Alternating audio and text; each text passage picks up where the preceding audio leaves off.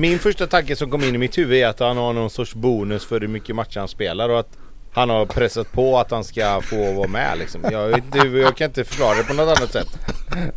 Ja, det, det är en spaning. Det låter som en riktig sån där Kina-bonus som du har haft där borta Tobbe. Exakt. 100 procent.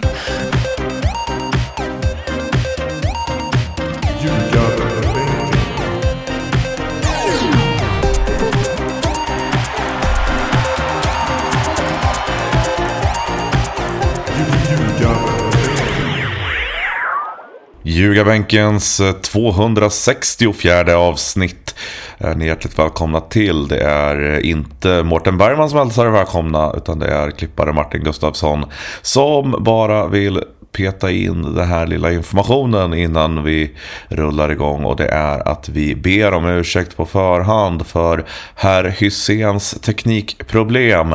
En eh, dryg timme in i dagens avsnitt så har eh, Tobbe lite problem med sitt ljud, vilket ni säkert kommer höra. Men vi hoppas att ni har överseende med detta och att ni får en trevlig lyssning ändå. Nu kör vi igång avsnitt 264.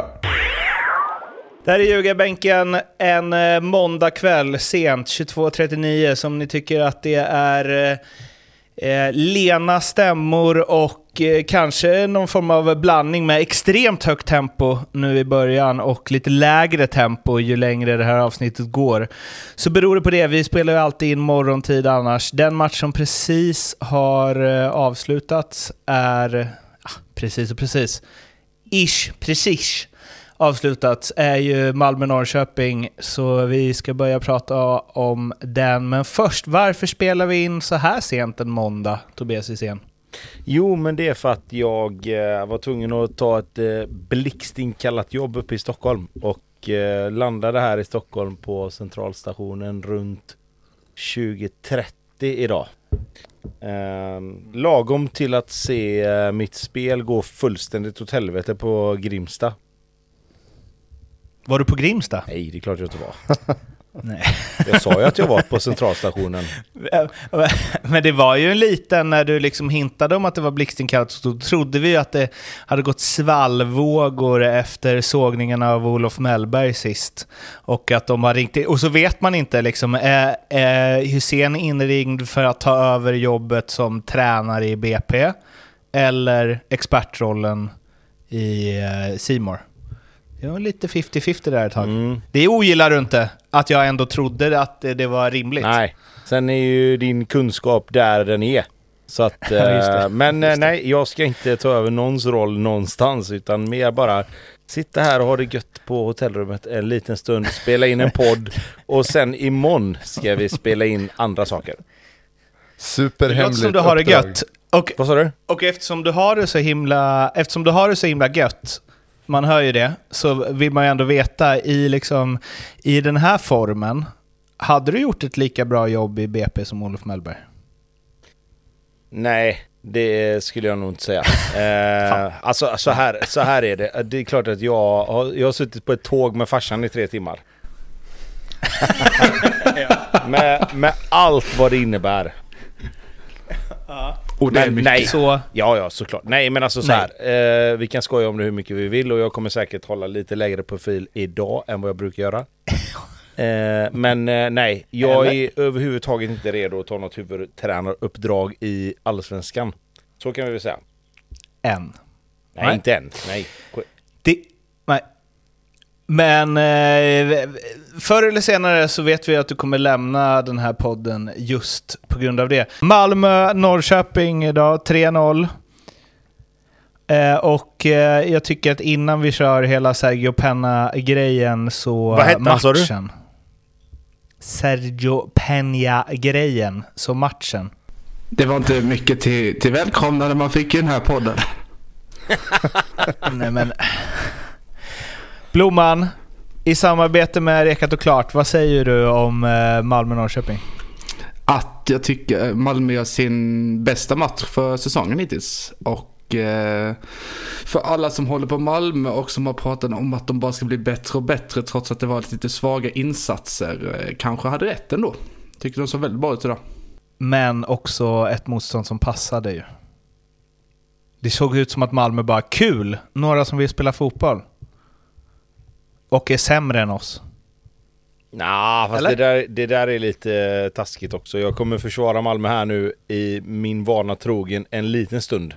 Men eh, jag, tyck, jag tycker Malmö, precis som ni säger, gör sin bästa match för eh, säsongen. Eh, Norrköping är kanske inte riktigt så stabila bakåt som de har varit eh, de matcherna vi har sett innan i år. Men också svårt att vara det mot ett Malmö som verkligen ville visa och eh, ställa ner skåpet eller vad man ska säga. Ehm, nej, Malmö gör en bra match. Malmö är bra hela tiden. Eh, och dessutom Isak Kiese gör mål igen. Eh, Vecchia får öppna kontot. Taali gör ett helt otroligt mål. Inte själva kanske, om man säger Ja, upprinnelsen är också bra, men själva aktionen runt kring målet är ju 5 plus. Eh, när man tror att han ska placera in en höger i bortre så gör han en sulfint. Och Oskar Jansson sitter där och tänker vad fan hände här? Det var inte igår man såg en sån i Allsvenskan.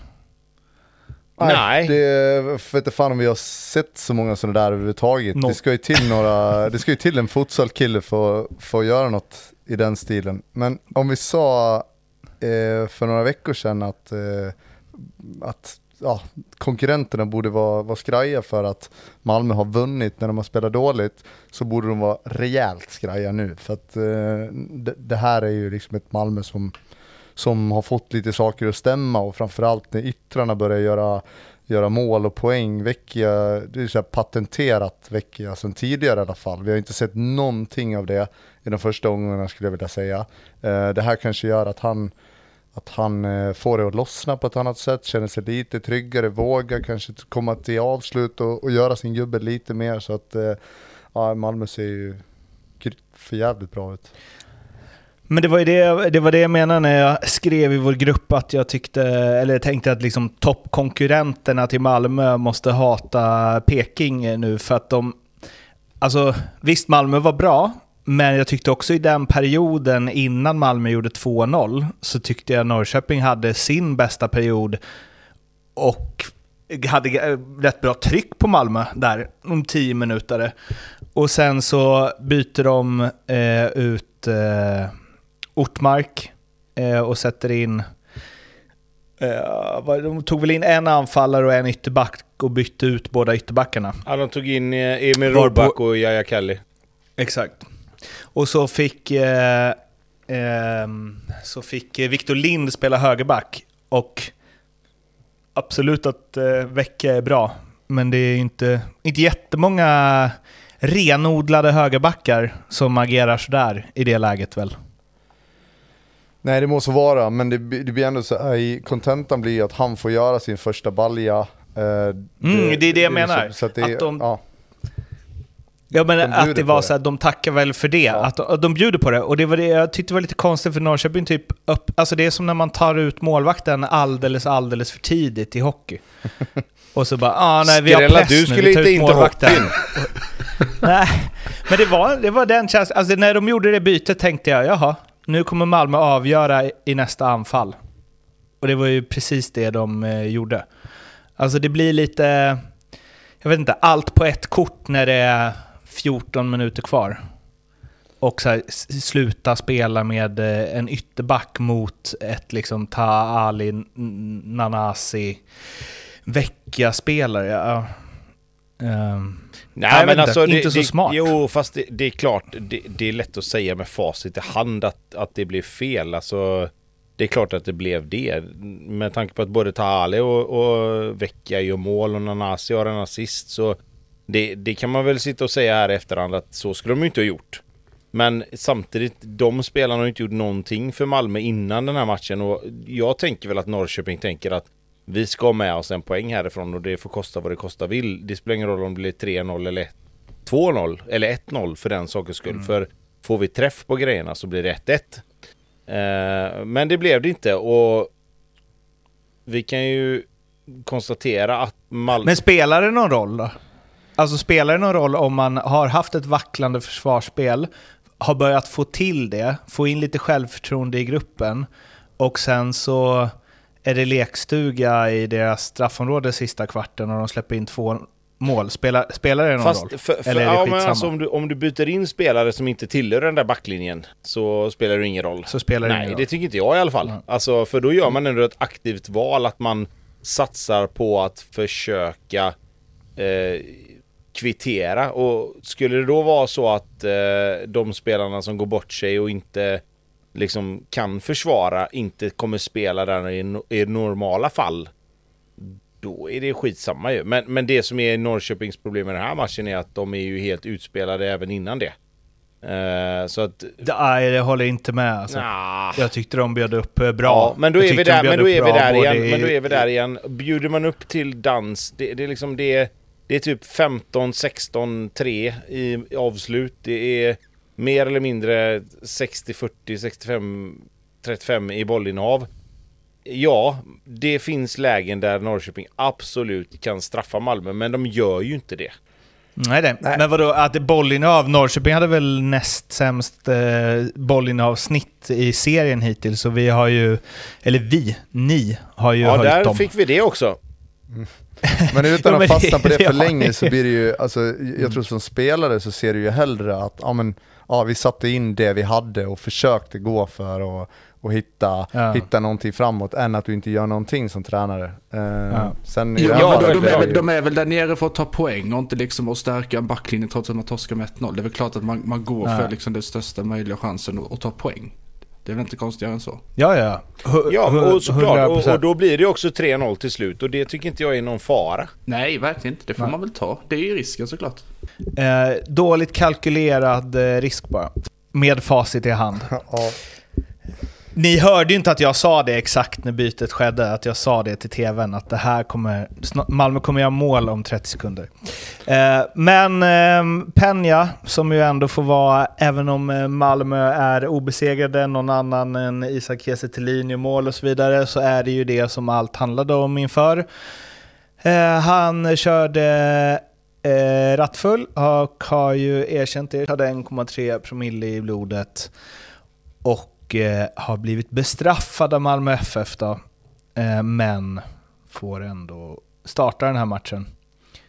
Ehm, och eh, vad tycker vi om det? Så här.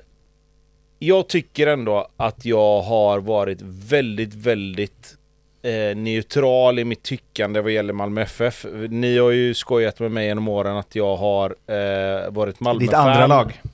Ja, precis så. Och det finns en anledning till det. Jag tycker att ni har varit hårda mot Malmö när det inte har behövts. Och jag har varit kanske den som har behövt eh, ja, neutralisera det lite ibland. För att eh, jag tycker att man behöver ha en nyanserad och lite eh, överskådlig bild av vad som händer och sker.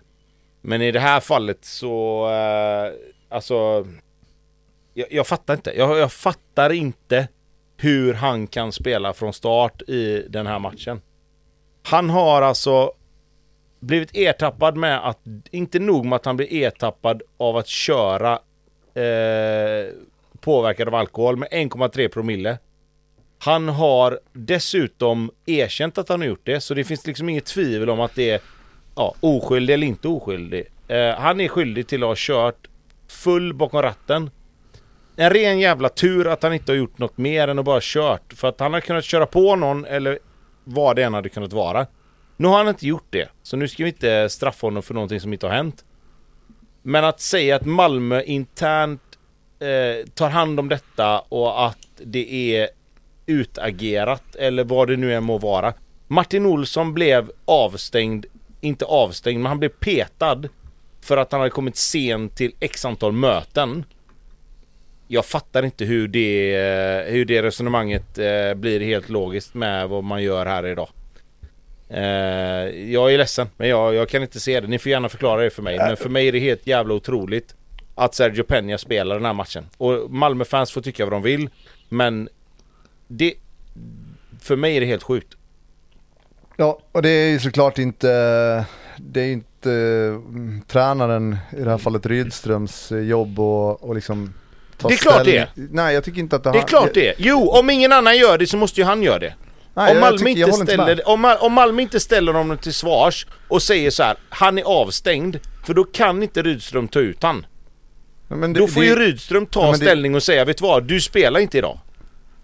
Nej, fast då, det är ju också, om, om du har gjort en spelare tillgänglig för spel, då är det ju inte upp till Rydström att vara någon jävla domare eller bödel eller kalla vad du vill. Det, det har inte han, han kommer ju ta fotbollsmässiga beslut. Sen håller jag med dig om att det är helt bullshit. orimligt att han, ska bara, han ska visa vägen här. Jag tycker inte det. Om inte de gör det så får han göra det. Jag Men håller inte med allt, Han kan, inte- alltså Rydström kan inte avsäga sig allt ansvar bara för att de Nej, andra nej, nej, såklart. Om, om, Malmö, om Malmö som förening inte tar ansvaret att hans, och säga att han ska inte spela, då får Rydström säga han ska inte spela. Fast det, ja Punkt. okej då, jag kan hålla med till i viss del, men det, det blir liksom löjligt, så, ja men vadå, ska han sitta på bänken då? Ja, det är ju precis lika illa Nej, det han ska också. inte vara med alls. Han ska inte vara uttagen i en trupp och det ska ju Malmö Nej. såklart som klubb bestämma. Det ska ju inte fotbollstränaren göra. Det är klart han ska. Om inte Malmö som här- klubb gör det så måste ju tränaren göra det.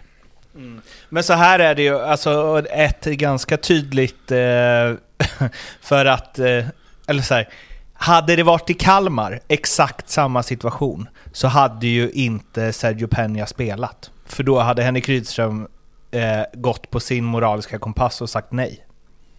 Ja, Tror jag. Men i Ja, så fall är ju då frågan, vad då, klubben tar för beslut. då, då blir det här spekulationer, men då handlar det ju om att då har klubben sagt att han ska spela. För att vi vill att det här ska liksom flyga förbi så fort som möjligt. Men det är ju, det är ju helt orimligt att han ska vara med. Eh, om man sen spelar från start eller bänken, det, det spelar ingen roll överhuvudtaget. Han, han ska inte vara med där, det ska inte vara en diskussion nu. Sen hur man gör framöver, det, det går ju såklart att diskutera. Men eh, veckan eller helgen efter att eh, omgången efter att det har blivit offentliggjort och det, det har hänt, det, det, det är helt orimligt. Jag har den största respekt för Henrik Rydström och jag tycker han sköter liksom snacket i intervjuerna bra, även om han inte pressas tillräckligt kring sitt ansvar i det. Och jag förstår hela liksom drevgrejen som han tar upp och han har liksom hört hur det låtit i studion och så vidare. Jag hänger med på det, men det är fortfarande ett... Eh, eh, alltså, eller jag, eh, jag, jag vet inte hur hur det är att vara i den situationen som han är i där. Men jag tror, alltså det var det jag menade med Kalmar, hade han varit tränare i Malmö i tre år, tagit dem till två Champions League och vunnit tre SM-guld, då hade ju han, då hade han inte spelat Penja tror jag. Men ska det behöva spela någon roll?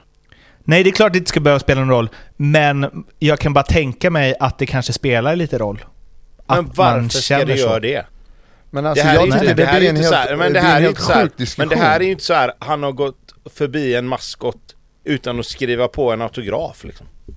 Han har för fan satt, han, han, har, han har krökat, inte nog med att han har krökat under säsong, vilket vi alla gör någon gång, det ska jag inte sticka under stolen med, det gör väl vi allihopa. Nej men alltså, nej men det, man ska inte vara, vi ska inte vara skenheliga och säga att fotbollsspelare inte dricker alkohol under säsong. För det är inte det det handlar om.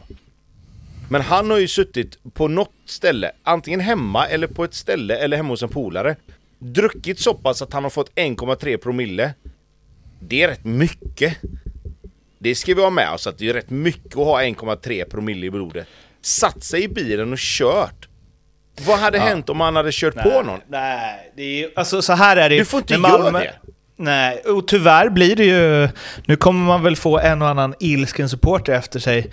Men eh, det spelar... Eh, det är klart att det spelar... Eh, nej. Det spelar ingen roll vad att det Malmö... spelar roll. Det, det spelar ingen roll vad Malmö har sagt internt om de ändå låter honom spela, för då... Nej, och det är det som de är det tar, sjuka. Ja. Nej, men jag säger inte att Malmö FF godkänner eller eh, på något sätt förringar detta. Men jag tycker Fast det mer gör så de ju. Spelar de inte? Nej, och, nej, det är klart, det är klart Eller var går gränsen spela. då? Om han, hade, om han hade misshandlat en snubbe i förrgår och erkänt, hade han lirat då? Nej, alltså nej. Förmodligen då. inte. Men, Alltså, nej, men alltså så här. Okej, men nu, nu, nu raljerar vi lite. Men jag säger, jag säger så nej, det här. är inte och det här raljera. är- Det är helt jävla otroligt. Och Jag säger att så här kan igen. alltså- Jag säger så här igen. Att Sergio Peña spelar från start idag. Oavsett vem det är som har bestämt vad. Det är sjukt. Det är helt sjukt. Malmö som förening eller Henrik Rydström som tränare skulle bara satt ner foten och sagt vet du vad, det här är inte okej. Du spelar inte idag. Alltså fan, han har suttit sig och kört bil med 1,3 promille i tisdags och nu är det söndag och det är match, alltså, eller måndag eller vad fan det är. Ska han verkligen spela liksom? Mm. Fan, inte ens ja, det... i tvååker i division 1. Hade vi haft en spelare som hade åkt fast för rattfylla på tisdagen och vi hade haft match på måndagen. Då hade vi varit såhär, nej han spelar ju inte. Det gör han inte. Lasse, du, Nej, men, alltså, fan, men, du har ju varit sportchef jag, i Norrby. Om du hade haft en spelare som åkt fast för rattfylla på tisdagen, hade han spelat matchen på måndag då? Nej, det är klart som fan att han inte hade gjort det. Nej, och där kan vi väl lämna det då? Ja, ja sen kommer de väl antagligen att... Han kommer säkert att missa matcher sen ändå och då blir det här... Det hade ju... Det, alltså det hade kunnat gått att göra det här på ett så jävla mycket bättre sätt. Det är det som är... Det känns bara så konstigt. Märkligt. Jag, jag fattar inte heller. Det är, jag vill typ försvara Henrik Rydström för att jag tycker att han är en sån vettig person. Men det här, det är, och Martin Olsson-grejen spelar ju egentligen ingen roll, men det blir ju att man ställer, han säger så ah, det är vad vi har för regler kring laget och det andra är ett klubbeslut. Jo, fast reglerna, jag hoppas att reglerna ni har kring laget och omklädningsrummet också innefattar ja. att man inte ska köra bil när man har 1,3 promille i kroppen. Ja. Nej, kom inte sent till möten för fan, det är hemskt. Ja, det, det, alltså man förstår ju hans resonemang, men ändå blir det ju, det, det, blir bara galenskap till slut ändå när man försöker dissekera det lite grann. Det är klart som fan att, alltså, eh, har han varit smockfull på tisdagen så borde han ju inte ens, det, det borde räcka för att du inte ska vara aktuell för matchen. Men alltså det, det är klart som fan att eh, Peña kommer få sitt straff, vad det nu blir det får vi se. Eh, och sen ska ju han få utöva sitt jobb efter det. Jag kommer inte liksom slakta, det, det är bedrövligt gjort och så vidare men uh, vi, kom, vi, kommer behöva gå vidare, det är ju så liksom. Eh, det är inte vi som ska bedöma vad hans straff ska vara men däremot så ska han aldrig få spela en fotbollsmatch sex dagar efter att det har hänt. Det är där problemet ligger. Fast man har lite jävla samhällsansvar när man spelar för en, en klubb i till exempel allsvenskan i detta fallet också. Jag tycker faktiskt att det påverkar, klart att det påverkar ju lite mer ens jobb då än om, än om du jobbar på eh, industri eller du jobbar på lokala Absolut. eller något. Och, och det här kommer ju såklart bli en större grej för honom än vad det blir för någon som jobbar på Coop till exempel. Men det, vi vet ju också sedan tidigare att det kommer att blåsa förbi. Vi kan väl bara summera det som att hoppas att eh, Malmö gör det bättre om det skulle hända något mer och att andra klubbar gör det bättre än så här. Brommapojkarna Mjällby. ja, skön övergång. Ja. Det är ju eh, eh, en, en grej den här matchen liksom verkligen sätter fingret på och bevisar är ju att man kan visst eh, ena veckan åka och kolla City Bayern och ändå vinna allsvenska fotbollsmatcher. Ja, det får vi ge honom. Mm. Det Men var man inte kan göra till truten på... matcher med Oskar Linnér i målet för han var ju faktiskt inte ens med idag. Och då blev det hållen nolla. Oj! Det är just det också. det, är inte, det, blev, det blev inte 5-4 då, utan det var tätt bakåt. Ja, ja. Uh, ja det, det, nu har inte jag, jag såg inte så det, han inte se så det jättemycket efter min uh, min, eh, mitt besök på Borås Arena där. Men eh, det är ju till att börja med ett otroligt första 1-0 mål. Pettersson, vad är det för avslut? Det är helt i obalans, det känns som att jag tror att han siktar på bortre men det är ju lika snyggt ändå. Det är ett ruggigt avslut. Och sen få Uh, nu tappar jag namnet, vem är det som är tvåan? Uh, Vasic va? Vasic ja, får ja, göra sitt Nikola första Vasic. också. Eh, men... Ja, gör och gör. Jo men det gör han. Han, han vill ju styra den. Ja det är en hockeystyrning. Ja, det var skott för styrning. ja. Uh, men ja, det, det, var väl en match som man verkligen inte trodde att BP skulle, som de ändå har sett ut på slutet, Elfsborg senast och sen uh, uh, också med, med tanke på Mjällbys form så trodde man inte att, att det skulle bli 2-0 till, till BP. Men det blev det och det kändes väl lite sådär som att eh, eh, det är ett intryck jag har fått av många lag Och i, i det här fallet så var det Mjällby, som, eh, det har jag inte sett kanske hos dem tidigare, men det känns som att de faller lite på sitt eget grepp hela tiden. Att det ska spelas till förbannelse och de är pressade i tuffa situationer i, runt eget straffområde och så kommer det någon sån här svår boll rakt upp i mitten och så ska någon försöka att hålla undan och grejer. Vad fan, lite spela efter era förmågor, så kan jag tycka. Och det är många lag, många situationer hittills i år i Allsvenskan där det är bara bjudningar liksom. Det är ju, ja. alltså, de... Ja. De kommer, det kommer bli som jag sa förra gången, varannan match kommer jag liksom, ja, ah, Mjällby, finns något där. De kan bli spännande i år. De kanske, och varannan match bara, oh, 0-2 borta mot BP. Mm. Fast de kommer komma var... 11. Nej, fast det här var ju första matchen i år som Mjällby gör ett litet bottennapp om vi ska vara helt ärliga. Ah, vadå, premiären var väl också nah, inte helt det var tio minuter. Eller? Det var tio minuter ja. var dåliga som, som skiftade momentum. Och sen fick Varberg in ett mål lite från ingenstans. Eh, Missade ett par jättelägen i slutet. Var, ja, exakt. Eh, så jag tycker att det, det här är Mjällbys lite wake-up call tror jag. Eh, jag tror att de fattar efter den här matchen att okej, okay, vi kan inte komma hit och få lite hybris. Eh, däremot tror så ska BP... Ja, ja, men det tror jag, jag definitivt. Det. Är inte de... ja, jag tror definitivt jag tror att det var så att uh, ja, BP, noll poäng, vi är, nu är vi ett liksom subtopper-gäng som ska, ska liksom styra matcher och sådär. Det, det, de är inte där än, utan det, det, handlar om att göra de sakerna som de är bra på. Det tycker jag inte att, uh, inte att man gör i samma utsträckning. Liksom. Jag tror att de kanske kommer gå på det igen och få hybris igen någon gång under den här säsongen. Jo, någon gång. Ja, ja, någon gång såklart. Alltså, givetvis. Men, men för att få hybris och gå på den så måste man ju ha gjort det bra x antal omgångar. Vilket mm. gör att Mjällby kommer ändå vara på ett ganska bra ställe när de väl åker på den här minan igen. Men det, det som framförallt är grejen i den här matchen det är att BP ja, de spelar sitt spel och de försöker att göra det de ska göra och vara bra på. Men jag tycker också faktiskt i den här matchen att de ändrar lite grann. De är lite mer cyniska. Inte för den, inte för den saken skulle vara cyniska som de behöver vara i 30 omgångar. Men de är ändå lite mer. Och sen är det ju givetvis så, och det får man ju tycka vad man vill om, men Filip Sidklev håller nollan och tar chansen när han får den. Eh, det ska bli jävligt intressant att se här nu vad de gör. För vad händer om Oskar Linnér hamnar på bänken igen här nu? Nu vet inte jag om han var skadad. Eh, eller eh, hur det var, varför de satte Sidklev i mål. Men det är ju en situation som kan dyka upp här nu om det skulle vara så att Linnér är frisk och inte får spela. Ja, sen måste vi bara säga det också att det hade ju varit helt, det, det hade varit skandal om man hade försökt gjort, gjort exakt samma sak som man gjorde mot Elfsborg, för de funkar inte för fem öre. Så att, eh, eh, kalla det vad du vill, cynism eller, eller vad det nu var, men det gick ju inte att göra det sämre än vad man gjorde i förra omgången. Nej, såklart inte, men, men alltså det är skillnad att spela hemma mot Mjällby borta mot Elfsborg också. Definitivt. Jag kan tycka att man borde ha gjort, jag kan ju tycka att, att man borde ha gjort det som man gjorde idag mot Elfsborg borta. Men det gjorde de ju inte. Och det, alltså det är någon sorts sjukdomsinsikt att de ändå väljer att göra det som de gjorde idag. Absolut. Det blev dags för spelsegmentet i samarbete med Rekat och Klart, Blomman. Ja, kul. Fjärde gången Ja, det är, mm, det är din nya klubb ju.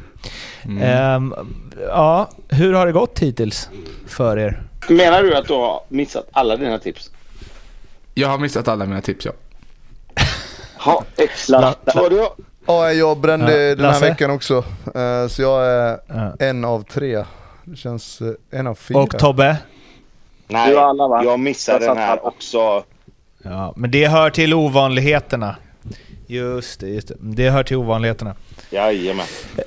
Blomman, vill du gå ut först ändå?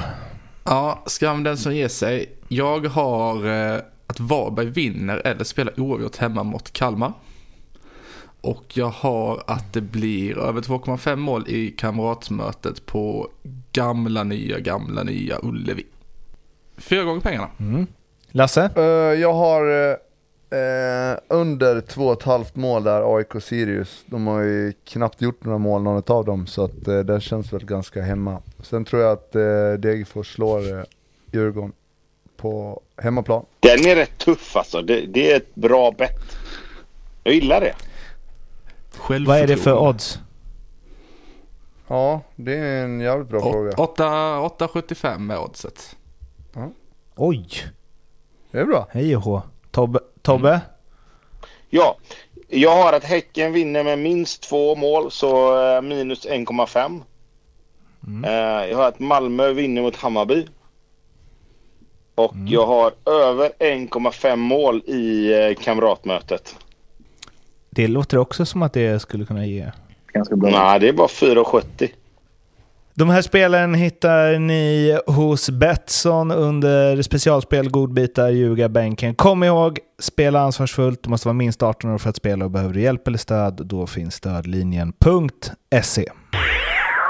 Vi har ju pratat om den här eh, stafettpinnen, krisstafettpinnen som har hoppat lite mellan olika lag och eh, som det är nu så gör väl både Blåvitt eh, och också AIK då, efter att ha eh, ryckt upp sig föga oväntat i derbyt. Eh, båda lagen gör sitt bästa för att ja, växla den så mycket det bara... Eller växla den så lite det går. Blåvitt har sitt, sin egna pinne. De har haft den hela tiden. Det, det är alltså, ja, men det- Blå- blå- det är Blåvitts pinne Hammarby ligger och på AIK som har startlinjen. bytt den lite grann bara. Ja, det finns, det finns fler pinnar. Eh, men nu har ju i alla fall AIK eh, tagit över den med tvåhandsfattning från, eh, från Hammarby. Eh, torsk borta mot Värnamo. Ett Värnamo som ju absolut inte imponerat eh, fram till idag. Eh, Oskar Johansson gör ett eh, fint mål och ja, nu är de liksom... Det var en derbyseger men det, derbyn lever sitt eget liv, som man brukar säga. Och det var ju det här ett bevis på. Mm. Eh, en god vän, jag var och såg matchen på Borås Arena, eh, vilket också är en historia i sig, men det kan vi gå in på senare varför de spelar där. Eh, men han säger då att, eh, han frågar, är det här ett AIK, då pratar vi om startelvan, är det här ett AIK som du skulle bli rädd för? Och så tittar man ut och bara, nej, inte för fem öre. Och då sa han, det är bara Bayern som blir rädda för dem, för det finns en historia. Och det, det, det ligger ganska mycket i det, tycker Nej, det jag i alla fall. Mm. Eh, för att Förutom att Blomman och eh, liksom sårade Hammarbyare på Ljugarbänkens sociala medier s- säger att Ja, det inte finns Släng med Djurgården där också då liksom. Att derbygrejen, det, där finns det en respekt för AIK. Men övriga lag, de tittar ju på andra sidan och tänker, ja men det här laget kan vi spöa. Det här är ju inte övermänskligt på något sätt. Men då springer också, då tittar man på, på AIKs bänk så sitter Durmas, Guidetti, Fischer, Faraj, ja vi kan fortsätta säkert. Men det känns som att det är en annan tusenlapp som sitter på bänken där. Det, det är inte riktigt så, så de hade tänkt att det skulle se ut i en startelva. Eh, så där är ett stort problem från början, tycker jag. Eh, och eh, det finns, eh, finns de på den där bänken som håller med dig Lasse. Eh, Victor Fischer eh, sa efteråt att han tycker att det är ganska uppenbart att han ska spela. Eh, Andreas Brännström sa att det var väl någon form av motivering då till varför han valde att inte spela Fischer för det är mycket man-man-spel mot Värnamo och att de är ett väldigt långsamt lag, AIK. Kanske ett av de långsammaste i svensk fotboll. Eh, och när Fischer får höra det så får, säger han att det är upp till honom. Det var han som förlorade matchen. Mm, alltså, då, eh, då kan jag börja med att, att skjuta ner Brännan. Jag gillar Brännan som fan har gjort det hela tiden. Men i det här fallet så, han skjuter ju sig själv i foten. För att han pratar om man-man. AIK gick bort sig totalt. De försökte sätta hög press mot ett Värnamo med en man mindre. Så de spelar inte man-man i sitt höga försvarsspel. Och blev genomspelade varenda gång. Så att, eh, att, att det skulle vara något man-man-spel från AIKs sida, det är bara fel rakt igenom. Eh, sen tycker jag ändå att Fischer, oavsett om han klarar av att spela man-man eller inte, så ska han vara en del av AIK startelva. Jag har en fråga till er eh, fotbollsproffs som vi brukar eh, referera er till. Tänker vi på. Lars och Kör, Tobias. Mm, Guidetti in i 92. Jag är redo. Guidetti in i 92. Om man kan spela så byts han väl in tidigare. Kan han inte spela så byts han väl inte in överhuvudtaget. Varför byts han in i 92? Markering. Ja, alltså, jag håller helt med. Jag tycker det är, det är ofattbart. Eh, AIK jagar mål, okej okay, om de spelar som, ja, men han är inte i matchform, det är någonting litet. Eh, då kan han ju spela en kvart i alla fall. Liksom. Det är inte så att de behöver vänta till, till 92 med att byta in honom. Så att, eh, jag förstår inte heller det där. Jag tänkte när han inte var på Värmdö i första att han är bara med för syns skull. Liksom. Eh, han kommer inte spela någonting. Eh, men då blir han ändå inbytt och då, då växer ju den där frågan såklart. Nej, jag, jag har ingen aning faktiskt. Så det, det, det, min, första, min första tanke som kom in i mitt huvud är att han har någon sorts bonus för hur mycket matcher han spelar och att han har pressat på att han ska få vara med liksom. Jag, jag kan inte förklara det på något annat sätt. Ja, det, det, är en spaning. Det låter som en riktig sån där Kina-bonus som du har haft där borta Tobbe. jo men, jo men alltså nej men alltså jag, jag säger bara att det, det, är otroligt svårt att se en, en, en liksom anledning till att man skulle sätta in John Guidetti i 92 annars.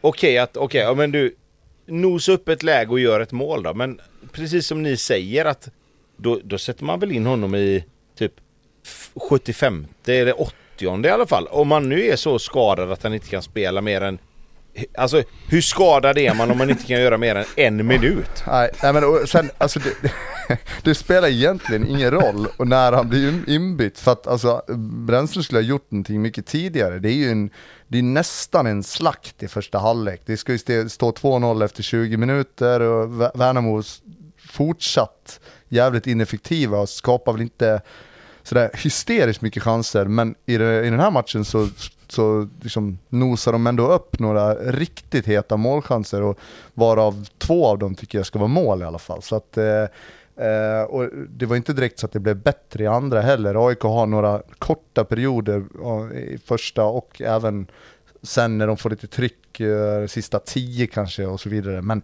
men det är ju, det, han måste göra något tidigare och det är framförallt taktiskt skulle jag säga. Det, det såg ju, det, jag, jag, förstår inte riktigt vad det är de försöker göra. Han pratar om, om att det är man-man-spel, det var ingen jävla man-man. de, de gick fegt i den pressen, de släppte inte fram någon av wingbacks eller någon av någon av de här tre centrala för att liksom fylla på i, den höga, i det höga pressspelet eh, och bli genomspelade gång på gång på gång. Och sen har de noll eget spel. Det, det händer ingenting. De har även noll Nej, skott på mål. Ja, ja, men eh, alltså, och, och det är det här jag menar. Men det jag menar också då med det i allt detta är att om man då väljer att sätta in Guidetti i 92 minuten, då är det ju alltid som vi snackade om, alltså då är det en markering mot honom att du förtjänar inte mer än så. Eller så är det väl så här att vad, vad fan ska han in för? Ja, han har krävt att få komma in någon minut för att få en match. Eller jag, jag, jag kan inte se vad jag kan ja. inte se vad det skulle Nej. vara annars. Liksom. Jag är rätt övertygad om att alltså, det, det är klart att det finns eh, kanske någon markering i det här. Om du tar, tar du Fischer, Durmas och eh, Guidetti i ett paket där så kommer ju, eh, en av dem åtminstone vara en, en markering. För att bytena skulle ha skett mycket tidigare. Sen vem av dem det är, jag, jag tyckte det var samma med Durmas, när de äntligen får lite, lite bollinnehav och, och börjar trycka tillbaka Värnamo, då ska han ju in direkt man ska inte vänta tio minuter, en kvart till, utan det var ju en matchbild som passade honom helt alldeles utmärkt. Så att, eh, ehm, eh, nej men AIK statiska och tråkiga och det kändes eh, eh, jag förstår inte riktigt när man kommer från det där derbyt och har liksom ändå, man tror att det ska vara lite vind i seglen, men eh, och Värnamo som ändå haft det ruskigt tufft får man ju säga. Eh, så att, det var... Och inte ens på Värnamos hemmaplan. Heller. Nej. Alltså det är ju det Nej, med. Det skulle... Att det var inte så att det var så här, oh här är de starka, liksom, det, det här passar inte oss. Eller något. Nej, se till det. Sen, sen var... Hade alltså... varit en god markering om man hade bytt in alla tre in till andra. Ja. Som en sån riktig så här. Ja exakt, här nu får ni, här får ni två minuter var. ja. Jag måste ändå säga det också, eh, att eh, Värnamo eh, ta ett ordentligt kliv i, de fortsatt duktiga i det här uppbyggnadsspelet som de har varit i många av de andra matcherna, men de var lite mer direkta, det hände lite mer, de fick in mer folk i boxen och så eh, både Wendersson där och Oskar Johansson är ju riktigt bra i, i hela matchen, rakt igenom. Även deras wing, wingbacks får de med bra i spel, så Värnamo, de fick den där, liksom, den, där, den betalningen som Eh, de behöver känns det som. Men där, där håller jag med dig helt Lasse. Eh, jag tycker när jag har sett Värnamo innan att eh, själva uppbyggnadsspelet har gått lite långsamt. Det har inte varit så det har inte varit så utmanande för lagen de har mött att flytta med. Eh, och det har inte varit så utmanande för lagen som de har mött att, att liksom ställa någonting emot det. Men idag tycker jag faktiskt att de utmanar AIK på ett sätt som kanske de inte har gjort innan. Och de får också lite betalt för det. Och jag tror att den energin de får av det är ju en av anledningarna till att de sen går upp och vinner matchen. Sen är jag inte helt säker på att spela på konstgräs kontra att spela på eh, hemmaplan på en vanlig gräsmatta är fel för Värnamo så här tidigt på säsongen. Nej, det, Jag tror att det kan vara en fördel också. egentligen. Ja, det tror jag också. Ja, det, det tror jag kan vara en fördel. Sen är det klart att det är det, det är klart att de vill spela på hemmaplan och få med hela bygden runt laget och hela den biten. Men eh, jag, jag tror att liksom det här, just idag så var det nog bra för dem att få spela på Borås Arena och få, få den eh, liksom farten i bollen som de ville ha. Det gjorde de dock mot Mjällby tillbaka. också, och då var de ju komplett odugliga. Så att, eh, men, jo, men ja, absolut. Men, men det är två olika matcher och det är två olika eh, liksom matchplaner och vad det än är. Och alla matcher lever sitt eget liv. Och idag gick det bra och mot Mjällby gick det inte bra. Och det, givetvis är det så. Men kan vi komma tillbaka till en grej? Jag måste bara säga det. stark, jag måste bara säga det. Rush, eh, det var ju målvaktsbyte här också, och även här är nolla. ja, just det. Ja, Ja. ja det är, bra. det är Det sant. något. Det var ju dock ingen skräll att, att eh, Vjacakovic eller Nej. Vanette inte skulle få spela. Nej, det kändes väl ganska väntat nu. Det var ju inte Linnér heller. Men nej, vi har målvaktsöga vi fyra. Ja. Det är helt klart det. Sjukt bra är vi. Men då Ja. går vi in på nästa puck. Eh, eftersom du vill köra hockeyreferenserna Mårten. Eh, är det helt sjukt att Victor Fischer inte får spela? Han är otroligt dålig just nu. Nej, jag, jag håller inte alls med. Jag tycker att det, det lilla man ser av honom i det här inhoppet, eh, det räcker för mig. Det- Det händer mer runt honom än vad det gör någon annan spelare på, på de 90 minuterna. Liksom. Och han spelar inte, ja vad fan spelar han? 20? Jag vet inte riktigt. Men det är klart han ska spela. Ja, då, då, då, då säger jag så här att då, då eh, håller inte jag med alls. För att jag tycker att en spelare som Victor Fischer ska kunna göra mycket, mycket mer. Alltså, om det är så att de har sett honom i träning så mycket som de har gjort och han inte är tillräckligt bra i träning för att spela en sån här match från start, då finns det något annat där. Jag, jag håller med dig Lasse att han, han gör en hel del bra saker. Men jag förväntar mig mycket, mycket mer av en sån spelare. Och här kan jag vara, här kan jag vara snett på det, men jag är lite färgad också efter att ha varit och sett honom på Amsterdam Arena när han spelade Ajax. Och varit så otroligt jävla överlägsen. Alltså, jag tycker bara att det känns som att han... Som alla spelare i den kategorin av spelare så kommer de till Allsvenskan och tror att det här kommer jag lösa, det här är inga problem. Jag tyckte att jag såg att det fanns lite mer fart under benen. Jag tyckte att han, han sett lite tung ut innan. Jag tyckte det var skillnad idag. Sen får han ju skylla sig själv lite grann, för han får ju ett gyllene läge att göra 1-1. Ja men gör 1-1 där då, få med en pinne i en dålig match på bortaplan, och så kan du säga ja men det är klart jag ska spela. Exakt. Alltså, så som han har... Det, men det tycker jag, så som han spelat hittills, då kan man inte säga jag tycker att jag hämtades in för att vara en kvalitetsspelare. Och jag tror att jag kan göra skillnad. Ja, men du har ju inte varit det väl? Nej, Det och, är och, därför och du så inte här också. spelar. Alltså Det är, inte så att. AIK, det är inte så att AIK har mött asgrymma lag. Asgrymma! Där fick du blomman. Nej men alltså, men säg så här då. Hade de mött, hade de mött liksom, om, om Victor Fischer hade kommit in på plan och varit så här. Fan vad bra han är. Helvete vad det händer grejer. Men alltså på riktigt. Nej. Fan Tobbe, ibland... Jag är så van att du pratar så att ibland tror jag att det bryts när du blir tyst. För jag tänker att det ska komma något Jo, mer. men jag vet ju, jag, jag kan ju mig själv också. Jag, jag behöver sätta punkt ibland. Ja, du, alltså du har verkligen utvecklats. eh, Alltså verkligen, det ska Ja. du ha. Ehm, Det är Stockholm som gör det med mig. Men Jag bryts ner sakta men säkert. men, eh, men om vi också tar det att han säger då, att han säger att han förlorade matchen.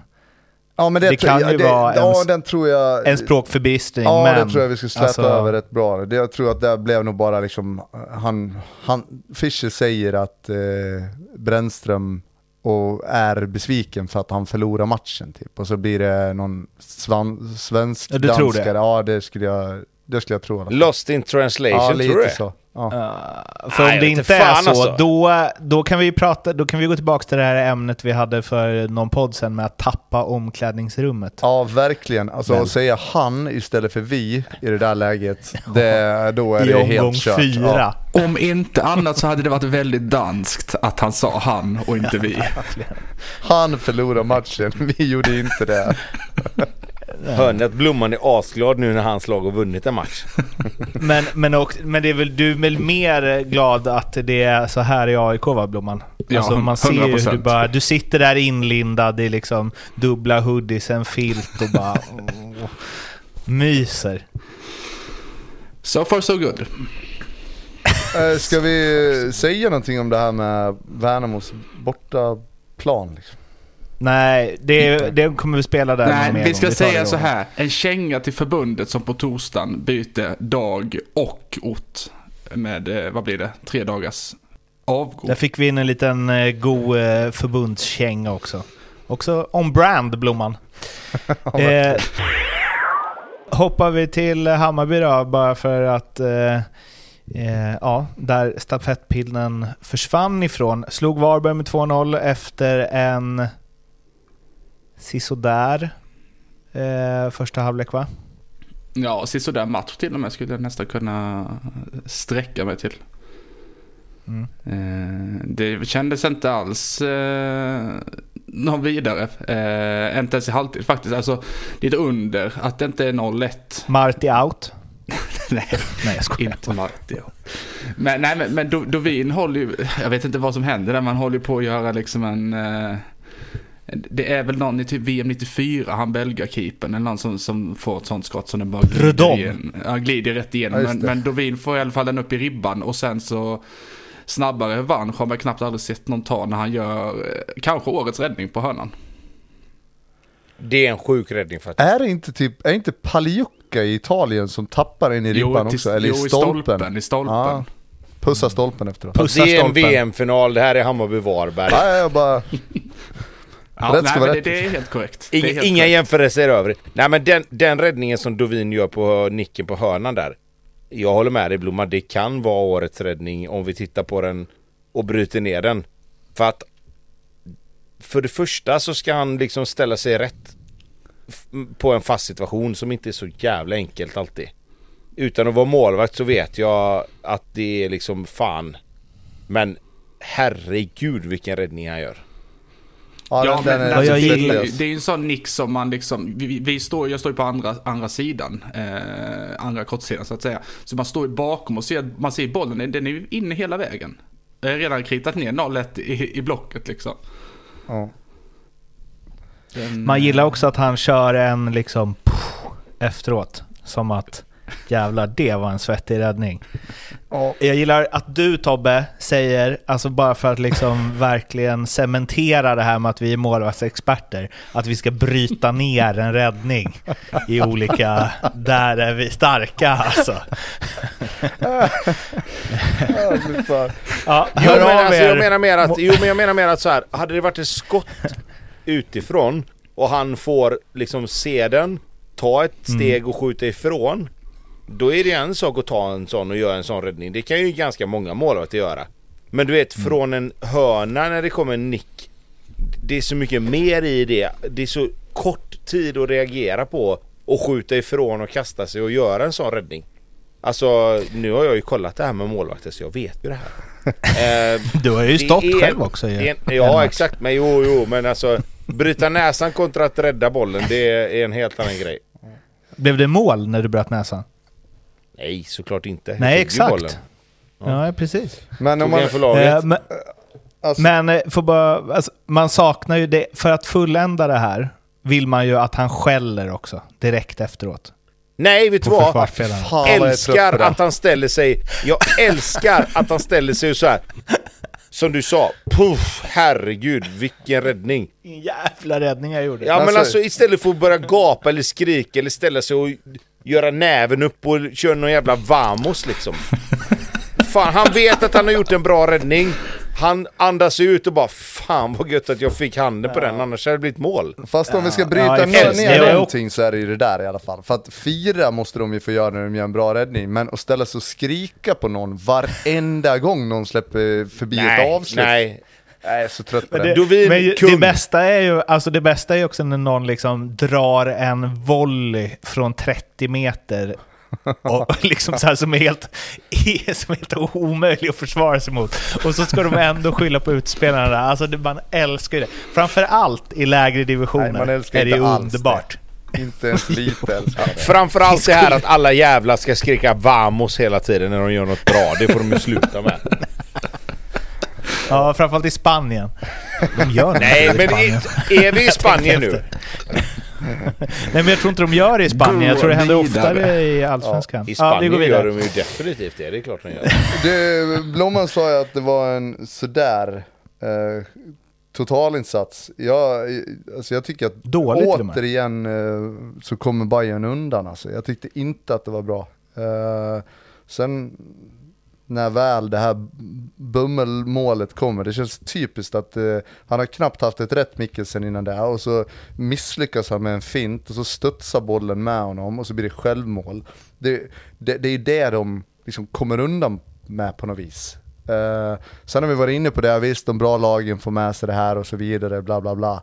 Men, men eh, ah, nej, jag, jag, jag är inte imponerad av Hammarby nu. Jag tycker att det ser eh, eh, det problematiskt ut. Sen när Varberg måste gå framåt och de måste öppna upp sig lite grann och det inte är den här solida fembackslinjen linjen, då, då är det klart, då blir det andra ytor och då tycker jag Bayern helt plötsligt är bra. Eh, då tycker jag Hammarby får spela det spelet som de, som de är bäst på. 2-0 målet är ju supervackert liksom, men eh, individuellt så tycker jag att det, det har gått lite stå i det. Det är ingen som gör någonting eh, eh, som speciellt. Det, det, allting bara går på rutin liksom och det blir inga, br- bryter liksom inga ni förstår vad jag menar. Jag hittar inte orden.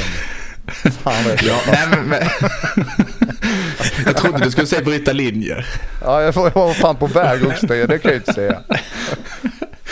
Nej, men, men det, ja, det känns tydligt. Man är så bortskämd liksom med hur Bayern spelar framförallt på hemmaplan mot, mot lag som man tycker sig ska vara bättre än. Och, alltså fronttrion, det är ju återigen lite rotation där. Där känns det som att, som att Marti famlar lite med liksom vilka han vill spela där med. För nu helt plötsligt så var det ju liksom, det var ju Mikkelsen in från start. Jag trodde liksom Nali skulle gå före. Nu bytte de i halvtid. Om det var förbestämt innan eller inte, det vet jag inte. Det är klart det inte var. Boda... Det är klart det inte var. Nej, fan bestämmer man innan matchen att vi ska spela 45 var. Det, det händer ju inte. Alltså trän, det, hade Mickelsen varit fantastisk så hade jag inte bytt ut honom efter 45 minuter. Nej, Nej. Jag, jag tänker bara att båda varit skadade, men okej. Det Hur som helst, de, nej, men de famlar i alla fall där och de behöver hitta rätt eh, och hitta en trio att gå på. Eh, inom kort känner jag. För eh, som du säger, det är, med lite, med, lite, med stolt ut här så, så är, kan det vara kryss i någon sån här match. Precis som det kunde varit i premiär mot, eh, mot Degerfors också. Ja. Så är det. Det finns Sen är det väl på. det positiva är väl möjligtvis då att eh, Djukanovic gör mål igen. Jag tyckte han såg lite giftigare ut. Eh, Han vågade utmana sin spelare lite grann och kom runt några gånger på egen hand. eh, Och det har han ju inte gjort tidigare så att det är väl i alla fall något. Han har ju någonting som de där framme andra inte har tycker jag. Speciellt i den här trion om man kollar med, med Boda och Mickelsen. Jag tycker inte Mickelsen liksom är en gubbe som kan dra. Precis som du säger när det blir mål där så vet han ju knappt själv vad han gör. Och sen helt plötsligt så är han ju förbi både en och två gubbar. Djukanovic kan ju vika in och, och, och dra sin gubbe någorlunda i alla fall. Och känns väl som att han borde kunna bli bättre och bättre, tror och hoppas jag faktiskt den här säsongen. Eh, och jag tror att när vi summerar säsongen så kommer han vara en av de, eh, det bättre i, i Bayern faktiskt. Och det behövs. Ja men alltså Djukanovic, Djukanovic har ju en spets. Och det har vi redan sett ju, att han har ett avslut som han faktiskt behärskar. Även om det är lätt att säga det, så kommer han ju komma i det läget ganska ofta. Och nu har han gjort två mål på fyra matcher liksom. Eh, och det kan, man, det kan man skoja bort om han har varit dålig i matcherna och han, han bidrar inte med tillräckligt och hitan och ditan. Men fortfarande, poängspelare är ju... De är ju svåra att hitta. Ja, och nu- framförallt de spelarna som sätter de här jävla lägena när de får dem. Det tycker jag är, det är en spets i en spelare och han är ung. Han kommer, som vi har pratat om innan, från en helt annan fotboll. Han köper ju sig minuter och matcher när han gör de här målen. Som nu då, varannan match. Alltså, skulle han sluta på 8, 9, 10 mål det är ju en, då är det ju en bra värvning liksom. Och han kommer dessutom bli bättre eftersom han är ung, som vi sa. Ja, jag har inte varit så övertygad men det börjar, det börjar bli en minipudel lite grann faktiskt. Jag tycker att han, eh, men, men, okej okej han har det här avslutet i bortre, vilket som du säger, det kommer han hamna i ganska ofta. Men att man ser att han börjar växa in i sin roll lite mer också, våga göra rätt saker och våga utmana, spela lite one-two med en mötande forward eller innermittfältare så att han tar sig förbi. För det här, alltså stanna på bollen och spela den snett bakåt, det, det, jag vill inte se det hos en ytter i alla fall. Du kan få göra det någon gång Nej på en men, halvlek. nej, men det, det kommer ju också, men det kommer ju också liksom Sådana grejer går ju hand i hand med att han får lite självförtroende av målen han gör. Absolut. Alltså, det kommer ju bli, det vet man ju själv också att du kan ju vara helt under isen och så helt plötsligt så gör du ett mål och så får du lite självförtroende. Och så helt plötsligt så ser dina lagkamrater dig på ett helt annat sätt än vad de har gjort innan. Så att det är ju, jag, jag säger att, jag tror att precis som vi har snackat om här innan i, i, i eh, podden och även i det här avsnittet att Djukanovic tror jag är den som kommer att kunna ha den högsta, högsta nivån när vi tittar på spelare utifrån vad de är just nu. Det, det, det, jag måste bara tillägga det också, det, det ligger mycket i det du säger. Eh, men alltså problemet kvarstår ju, när han gjorde mål sist så blev han bänkad. Eh, problemet runt den här rotationen kvarstår ju, de måste hitta åtminstone två av de här tre som känner sig trygga i både sin roll men också känner att de, de har råd att göra en dålig halvlek som man inte blir utbytt efter 45 minuter. För att ska du vara kreativ så behöver du självförtroende, framförallt de spelarna där fram som ska försöka ge lite extra. Och, och där, där håller jag med dig helt och hållet. Fan vad bra Tobbe, tack! Sirius-Häcken. Eh, Sirius som ju ändå har gjort det rätt eh, bra fram till den här matchen. Jag såg den på ett eh, tåg med halvdan uppkoppling som la av var 20 sekund, men han ändå uppfatta första kvarten att eh, Sirius nog inte var över på Häckens planhalva sådär värst många gånger. Det blev ju också en eh, solklar seger och alltså nu kan man säga att Sirius är väl ingen värdemätare, men som de spelat hittills har de ändå varit helt okej. Då får man väl säga att Häcken är på rätt väg, eh, rätt spår igen. Efter en sån solklar bortaseger. Ja, definitivt. Uh, häcken kändes som Häcken igen. Uh, mittfältet fungerade otroligt bra. Uh, Samuel Gustafsson får ju dirigera precis som han vill och de kom ut eh, ur eh, startgroparna och det är chans efter chans. Sen tar det ju en dryg halvtimme innan de väl får hål på Sirius. Men, och då är det faktiskt på grund av att två mittbackar som har varit jävligt bra i Sirius fram till nu springer typ ihop i straffområdet. Hoppar på samma boll. Och... Men när de får håll på dem sen så är det ju det är inget snack. Eh, Rygaard eh, tillbaka i lite, lite gammal form också så det båda gott för Häcken. Men visst kändes det som det var en enorm klasskillnad? Det kändes som att Häckenspelarna fick otroligt mycket ytor hela tiden. Jag är ju verkligen inget, inget eh, fotbollsexpert här, men till och med jag såg ju det att de kunde ju vända upp utanför, man säger mellan, eh, mellan backlinje och mittfält flera, flera, flera gånger och sticka in bollar och sluta på kanterna snett inåt bakåt och, och hela den biten. Ja, Sirius såg lite skraja ut. Det var inte det där Sirius som kom ut mot Djurgården och bara körde liksom och satte sin hårda press och fick eh, bett i den. Utan det här var ju något annat.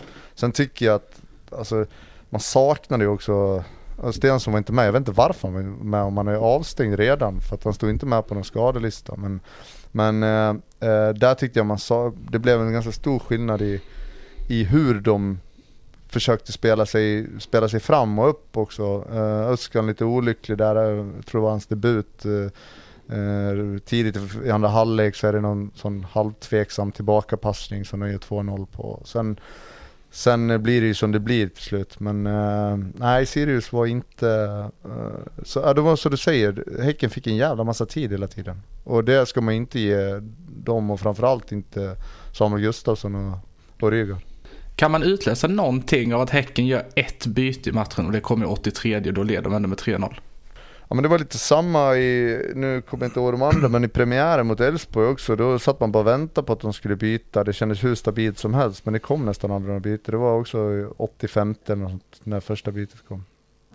Det verkar vara en men, grej. Alltså, men det, det får ju heller inte gå inflation i att man ska byta för att man tänker att folk är trötta. Så fungerar spelet och du ser att det är ett Alltså att det, att det är en bra rytm i matchen för ditt eget lag, då byter man ju inte.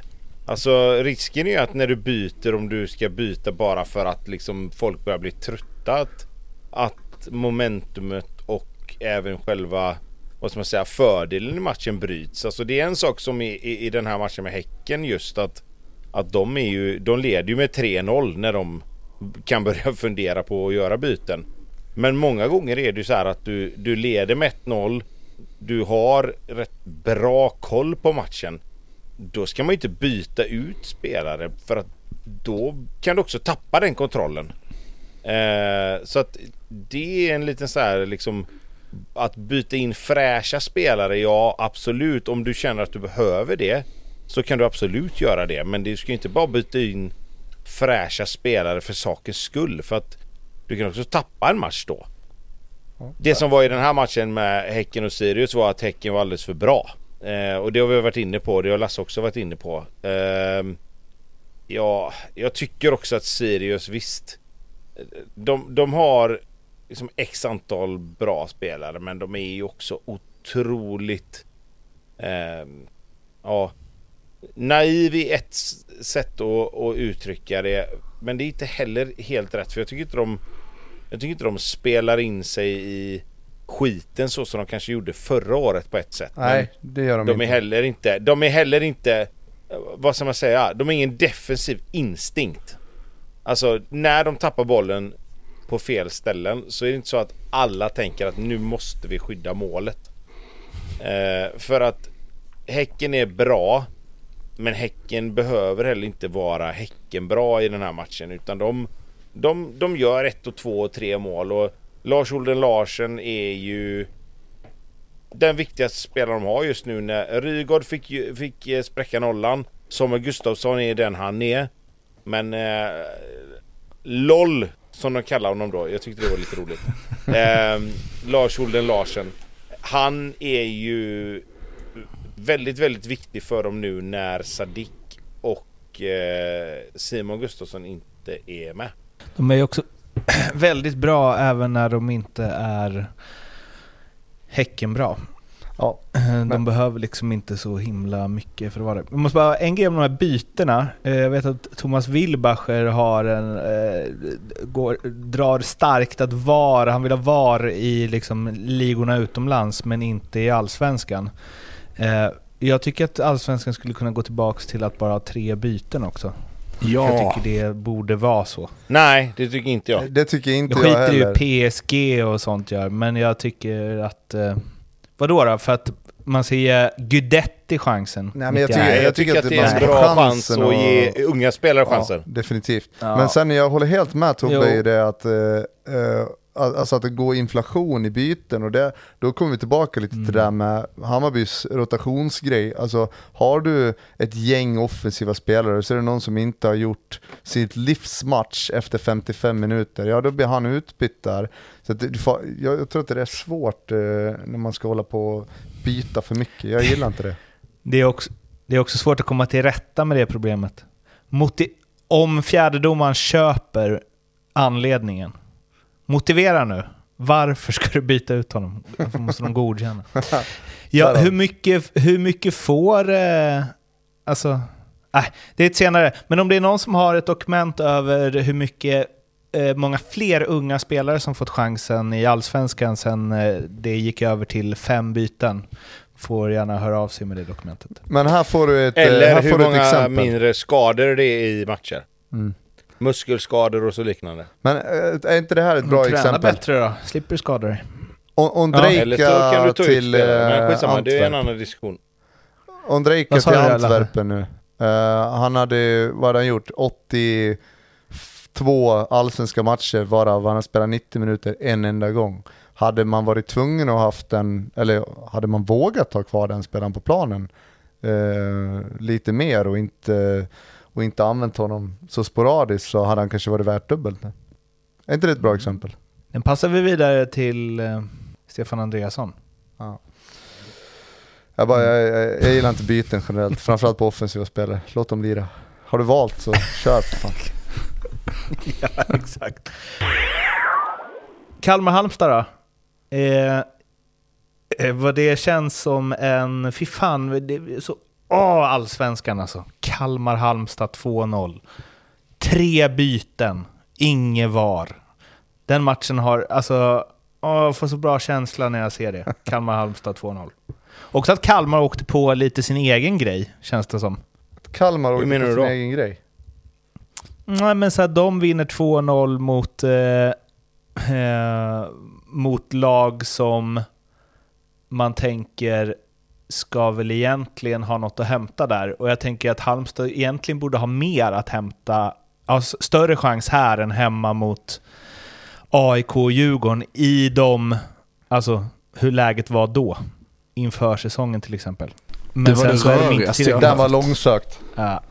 Ja, det, det var sjukt dåligt faktiskt. Ah, glöm det. Jag älskar Kalmar-Halmstad 2-0. Det är allsvenskan för mig. Förutom, innan ni pratar om matchen, och här kan vi dra in Norrköping också. Vem har kommit på att de ska ha annan färg på ärmarna jämfört med resten av tröjan? Så jävla fult. Ja, jag kan inte svara på den frågan Mårten, men vi får efterlysa den personen då. Verkligen. Håller ni inte med? Och håller ni inte med? Så jag tänkte fult. faktiskt inte på det om jag ska vara ärlig. Ja, men alltså Men vet du vad Kalmars vi ska prata ut mer som... om eh, just att Kalmar. Mileta Rajovic. Nu har han gjort en hel del mål här på de första matcherna. Blir det en Ja, i det- avsnittet? Fanns det något litet säsongsspel där som du vill eh, belysa? Kan eller? mycket väl vara så. Och det var många som sa bara nej, nej, nej. Han är från norska andra ligan. Han kommer aldrig göra så mycket mål. Ja, jag vet ju vad du vill komma med det här. Eh, och det kommer ingen pudel än. Det kommer ingen pudel än. Men det finns ju ganska stor risk att det kommer i, i något eh, eh, senare avsnitt. Eh, Lasse hade jag alltså under 7,5 mål och Tobbe Ja. över 7,5 mål. Och hur många har han gjort? Tre. Tre. Men jag Han bedömer ska alltså göra fem mål på 26 matcher. Ja, Ja, vi det kommer se. Får se. Men, eh, ja, nej, men man kan väl säga att han eh, har överträffat det. Jag- Det jag såg i kuppen, jag var inte speciellt imponerad. Jag tyckte det var eh, ja, men för mycket boxspelare på något vis. Där gör han ändå fem mål i, i gruppspelet. Ja, men, alltså, han gör mål mot pissgäng som knappt fick låna bollen. Alltså det var ju mot division 1 och superetalagen gjorde målen. Eh, så Mm. att det var väl lite mer det jag bedömde det på. Men nu... Ett- det, det kändes som ett eh, typiskt eh, Rajovic-mål utan att veta vad ett typiskt Rajovic-mål är. Men det är 1-0 målet när han liksom smyger mot bortre stolpen och står och skallar in den när Nick eh, verkligen bara säger goddag. Det känns som att han skulle kunna göra några sådana. Men eh, ja, målet mot Häcken sist utanför straffområdet och även 2-0 målet när han vänder om bra, hård vänster. Så att, eh, ja, det, kan, det, är, det är väl en möjlig pudel som kommer om några veckor här. Vi får se. Men alltså så här, jag skulle säga så här att första målet håller jag med dig om. Det är ett målskyttsmål. Eh, han stoppar in huvudet och är först på bollen. Eh, sen håller jag med dig också som du säger att titta på de två målen som är mot Häcken eh, och andra målet i, mot Halmstad. Första målet mot Häcken är han är utanför straffområdet, lägger den till rätta, drar en högervrist rätt ner i målvaktens högra. Och målet mot Halmstad, andra målet, får den vänsterfoten stenhårt. Alltså, hade man inte vetat att han var högerfotad hade man kunnat tro att han var vänsterfotad. Ja, det är bra gjort. För att Det- han har... Och, det, och då, då kommer jag tillbaka till det här som vi pratade om i lagavsnitten. Att han har en bra vänster och en bra höger och han har en jävla avslutsfot. Precis som Mattias Lyr sa. Och jag tycker att man börjar se det nu. Och Ska vi credda honom nu? Från ingenstans. Eh, ja, det får vi nog ändå göra. För jag tyckte ändå han var positiv till Rajovic. Och jag har varit Ja, men det var när jag har sett eh, kuppen också. Och det är lätt att säga nu när han har gjort tre mål på fyra matcher. Men alltså, jag, jag tror fan, som jag sa, att har du en spelare som är bra på att avsluta i en position där han får mycket avslut. Alltså, det, Ja, det säger ju sig själv att det blir bra. Du tyckte jag ha- hade svagt kring Halmstad-Kalmar. Jag försökte åtminstone komma fram till något lite innovativt och kreativt. Du säger att om du har en spelare som är bra på att avsluta i en, i en bra avslutningssituation, det är bra. Det värper Det, Tobias Hysén konstra fram. till det? Varför, ska- varför, varför ska man alltid leta efter svåra situationer eller svåra saker att prata om? Kalm, vi pratat om Kalmar. Nej, nej, men jag fattar vad ni menar. Jag fattar vad ni menar. Absolut, absolut.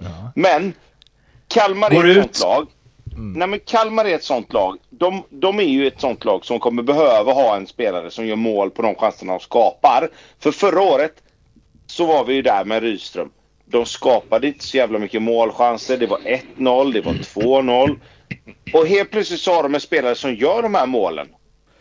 Med, Ja, ja, eh, tänk om de hade haft honom i fjol. Då hade, en annan grej på tal när vi ändå har liksom Mattias Lur på tapeten. Eh, det jag har sett av Kalmar, jag har ju tittat allra mest på Axel Lindahl och om han vet vad han har bakom sig när han drar iväg. Eh, och jag tyckte att det, det är en bra spaning, men han har haft... Eh, jag tror inte han har koll, men han har kommit undan med det ändå. Jag förstår Ja, vad hittills. Lur menade. Ja, men Kalmar ser ju eh, spännande ut. Där får man ju, där, jag var inte alls eh, så positivt inställd till det där innan. Men, eh, eh, nej, men det, de har fått till det rätt bra. Tycker Skrabb har hittat någonting rätt så bra eh, tillsammans med han Olofsson där och han islänning var. Och känns ändå Känns lite spännande helt plötsligt. Det händer ju lite mer och det, är väl kanske det, det var väl kanske det Kalmar behövde för att de hade inte riktigt den kvaliteten för att spela Rydströms spel fullt ut. Nu har man effektiviserat det lite grann, förenklat det på vissa sätt och det verkar funka hittills. Sen tror jag att eh, man kan hitta en, eller man borde hitta en roll åt hummet. Jag tycker de inhoppen han har gjort har varit jävligt spännande och det känns som att de kan få en till, ännu en till dimension i sitt anfallsspel om han får mer speltid. Om vi ska väva ihop de här eh, grejerna, Rydström och Kalmar och eh, han hade ingen Rajovic och Malmö har bara en eh, nummer nio som i och för sig gör mål i alla matcher. Men Rajovic, om han fortsätter att göra Tobias Hysén nöjd, är det en andra anfallare, är en reservanfallare i MFF nästa år? För där kommer han ju sättas i de här avslutningslägena du pratar om Tobbe. Jag ska inte pudla för mitt spel än, då tycker jag inte säga att han ska till Malmö redan nu.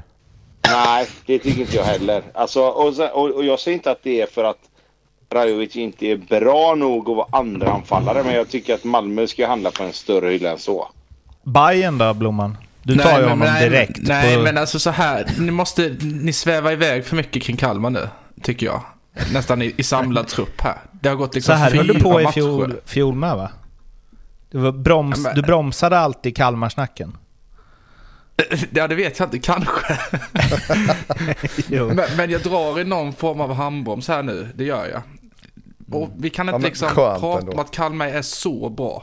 Alltså så bra är de inte. Och så bra har de inte sett ut att vara heller. Men har vi pratat om Kalmar som så jävla bra? Nej, Eller har vi jag- pratat jag om fem. Rajovic som bra?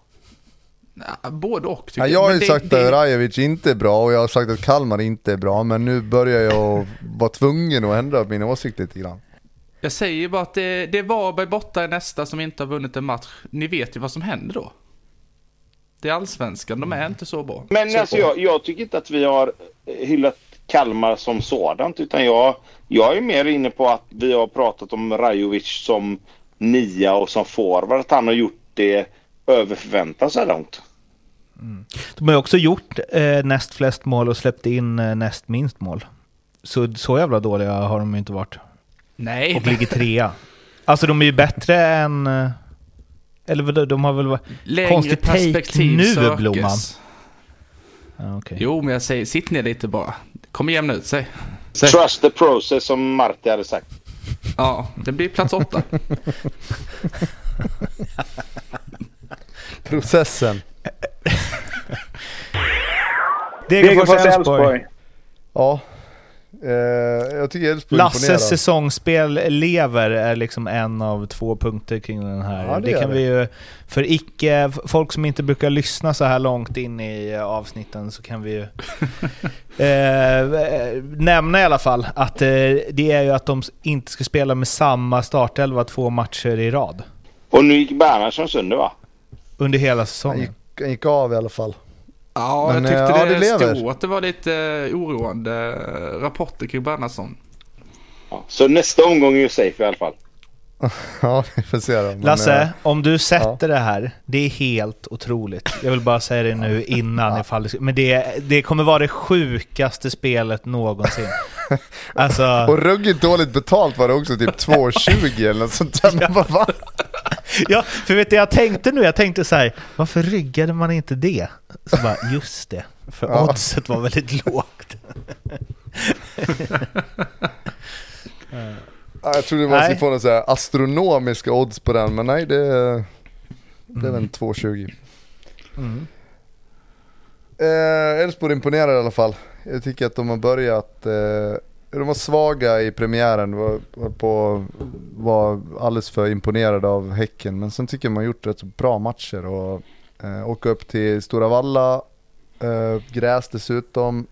Och bara, alltså de går ut och kör, jag gillar det. De, det, det är liksom inga funderingar utan första, första halvtimmen i stort sett i alla matcher då, eh, eller i alla fall de här tre senaste, var det, det, de går ut och, och, och gasar och det är full fart framåt med, med snabba eh, ytterforwards och sen kom Gudjonsen in nu när Frick gick sönder, gör ett grymt 1-0 mål som gör att de också får utdelning. Sen kanske det är, mm, de, de är inte tillräckligt spetsiga för att det ska bli de här 3-0 och, och smooth sailing så att säga. Eh, för att eh, ja, Degerfors kommer ändå in i matchen, så gör man 2-1 och ska döda den där mm, tre, 3, 4, 5 gånger om men lyckas inte göra det. Så att då krävs det inte mer än en, eh, ett långt inkast eller en tråkig hörna eller någonting och sen så tappar man poäng trots att man gör bra insatser. Lite som mot Varberg där man bara får med sig en pinne. Men jag, jag tycker att eh, Elfsborg ser eh, betydligt vassare ut än vad jag hade trott kanske. Jag håller med dig Lasse, 100 procent. Eh, jag tycker Elfsborg ser ut att vara ett mer komplett lag än på länge. Eh, jag tycker Niklas Hult, jag, jag tyckte det var lite så här med, som med alla de här som kommer hem och ska vara bäst på något sätt. Eh, han hade lite halvjobbigt i början men han går från klarhet till klarhet. Tycker han är stabil bakåt och börjar nu också bidra framåt. Eh, jag tycker att nu när Frick är borta, vi har pratat om det här. Eh, vem ska spela nia i Elfsborg? Frick kan göra det. Han kan springa och kämpa och slita. Men han gör inga mål. Gudjohnsen kommer in och får göra två mål direkt. Varav ett är som du säger Lasse, kvalitetsmål och kvalitetsavslut. Jag tror att det här är det bästa som har kunnat hända för Elfsborg att Frick blir skadad egentligen. För jag tycker att de borde skifta styrkeförhållanden till att Gudjohnsen ska spela, Frick ska komma in. Inte tvärtom. Eh, då tror jag att Elfsborg tar ett steg till. För att det finns en målskytt i Gudjohnsen, Inte bara för att jag har sagt att han ska göra mål. Utan jag tycker att det är i grunden en bättre spelare än vad Frick är. Men att han kan göra mål, det är det ju ingen som har tvivlat på, inte i Elfsborgs led heller. Det är ju just att det är så jävla svajigt i prestationerna. Ena, ena aktionen är suverän, nästa är liksom katastrof. Så att, eh, det är mer att han, jag, jag, tror att får han kontinuitet i speltiden så kommer han också liksom bli lite tryggare i sin roll. Spela enkelt när han ska göra det och se till att vara på plats i straffområdet. Där han är, alltså där är han ju vass, sylvass till och med. Ja, och jag tycker att, jag tycker att eh, ska Elfsborg gå från att vara liksom ett stabilt lag och alltså eh, på något sätt tampas med de allra bästa. Då måste de ha, alltså vi har ju pratat om det i alla år att Elfsborg behöver en målskytt för att kunna ta nästa steg liksom. Alltså, och, och kanske, jag säger inte att Gudjonsson kommer göra 15 mål nu bara för att han gjorde två mål i den här matchen. Men att de behöver ju en målskytt alltså för att kunna ta, som jag sa, för att kunna ta nästa steg så behöver de en sån spelare som gör lite mål. Sa du det förra året? Att han skulle typ utmana i skytteligan eller något? Ja, ja då var jag ju helt snett på det. Och, jag... och, du, sa det efter, du sa det efter halva säsongen också va? Ja, ja, ja. Nej, alltså, ja. men jag tycker att, alltså så här. Och jag kan vara snett, det är klart, jag kan vara snett på det igen såklart. Det här är liksom en curse för honom. Han bara nej. Börja inte prata om 15 mål nu Tobias Hysén, fan. Nej, nej, nej, nej, men alltså så här. Förra året så tyckte jag att när han kom in i laget och var bra så tyckte jag att fan här finns någonting. Och då började vi prata om, eller vi, jag började prata om honom som en spelare som skulle kunna explodera och göra rätt mycket mål. Sen blev det inte riktigt så. Han gjorde 4-5 kanske, jag vet inte riktigt så. Men inför den här säsongen också så tänkte jag så här, okej okay, en försäsong. Han är med i gruppen från början, han är med och får vara med. Frick, ah, vad fan, ska de satsa på Frick? Alltså, jag älskar Per Frick på ett sätt för att han är den spelaren han är, men du, du får inte mer än det du får av Frick. Och jag kan känna att Gudjohnsen gör lite mer. Han kan bidra med lite mer och en högsta nivå som är på ett helt annat ställe än vad Frick kan göra. Sen var det Frick som spelade och då tycker jag så här. Nu blir Frick skadad. Nu får de in Gudjohnsen. Ja, jättelätt att säga när han gör två mål direkt. Men jag tror ändå att det finns någonting att hämta där. Ja men det tror jag, det tror jag att de flesta känner. Det, men, men nu gäller nu är det också lite upp till bevis. Nu får han några matcher i rad här. Fortsätt att leverera och göra mål och göra rätt saker. Sen är det ju, det kan man väl säga då möjligtvis att det är lite oroande runt, uh, ja Bernhardsson gick han sönder igen nu. Eh, uh, Ondrejka eh, ska dra i sommar. Uh, och Alm försvann innan säsongen så de gick från att ha fyra stycken som verkligen konkurrerar inför varje match till att uh, ha två.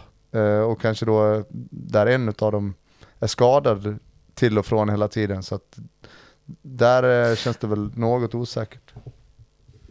Älskar att vi börjar liksom komma in i förra säsongens. Blomman hatar på Kalmar. Tobbe höjer. Gudjonsen och... Ja, Gudjonsen och... och eh, jag, jag får, får lägga till en grej om Degerfors sen när du har pratat klart med den. ja, just det. Din eh, Damjan Pavlovic som var bedrövlig. Ja, han gjorde mål. Ja, men det var han ju i början. Ja, det men han var. gjorde mål. Eddie Lövholm kanske ändå var något eh, på spåren där. Men jag, jag eh, tycker att... Vad vill du säga om eh, Degerfors? Nej men att de ändå, jag tror att de kommer ta en hel del poäng på Stora Valla, det gör de alltid. Men jag tycker att de har varit stundtals, förra säsongen, ja det var väl hela, hela våren typ, så är de ju dumnaiva och ska spela på ett visst sätt. Här mot, mot Elfsborg så går de i, i hög press, Elfsborg skickar fram fyra gubbar och spelar fyra mot fyra. Typ på mittlinjen, eh, lite in på, på Degerfors planhalva. Och blir straffade direkt i flera anfall i rad. Men då ställer man om och så bara, nej men nu gör vi inte det här. Nu gör vi någonting som krävs för den här matchen. Och det, det tycker jag inte man har sett av Degerfors innan på samma sätt. Så det vill jag säga. Härligt. Nu har vi ju en match kvar då. Och jag sa ju att vi skulle hålla oss till timman idag. Det har gått 1.34 oklippt eh, när vi är här. Klockan är 11 minuter över 12. Och det har blivit dags att eh, dissekera Djurgården Blåvitt.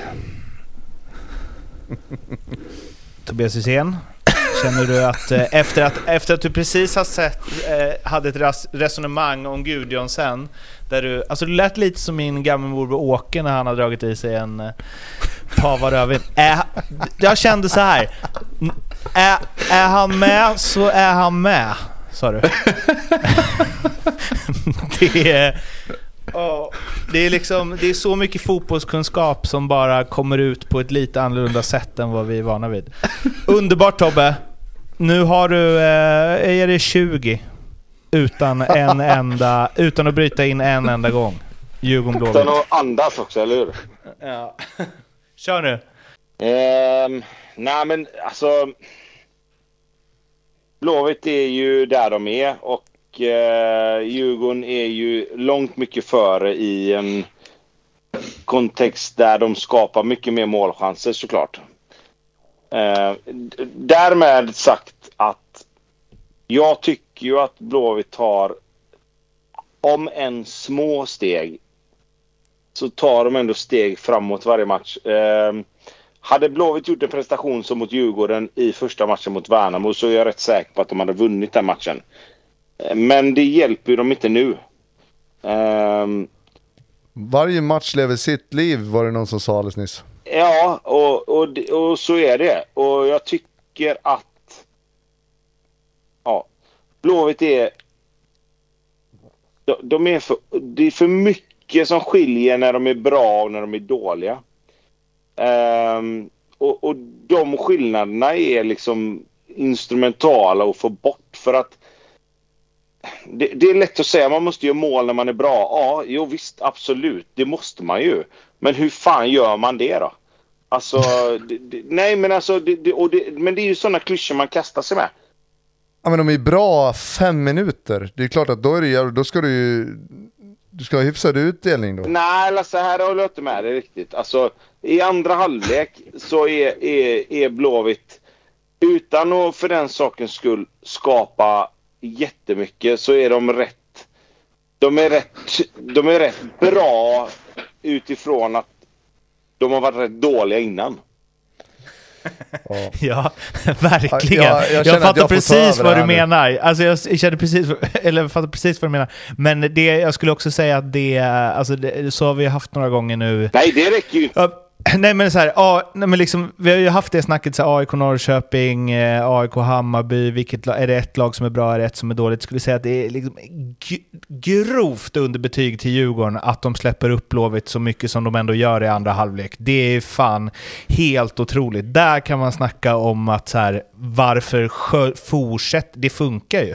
Alltså, det är bara fortsätta liksom skölja över dem. Hammarby mot AIK, de började ju aldrig ens med det. De gick ju bara in fel från start, men här släpper Djurgården ett jättekommando. Sen måste jag också, det här var första hela Blåvitt-matchen jag eh, sett i år. Fan vad de, alltså, jag skiter väl i hur det går för dem, men man ser ju på spelarna hur jävla dåligt de mår. Alltså det är helt otroligt. När, så många gånger de får bollen och bara liksom bångs på Carlén, där de bara så här, man bara slår, slår den passningen som du tänker nu att du ska slå. Och så gör de inte det.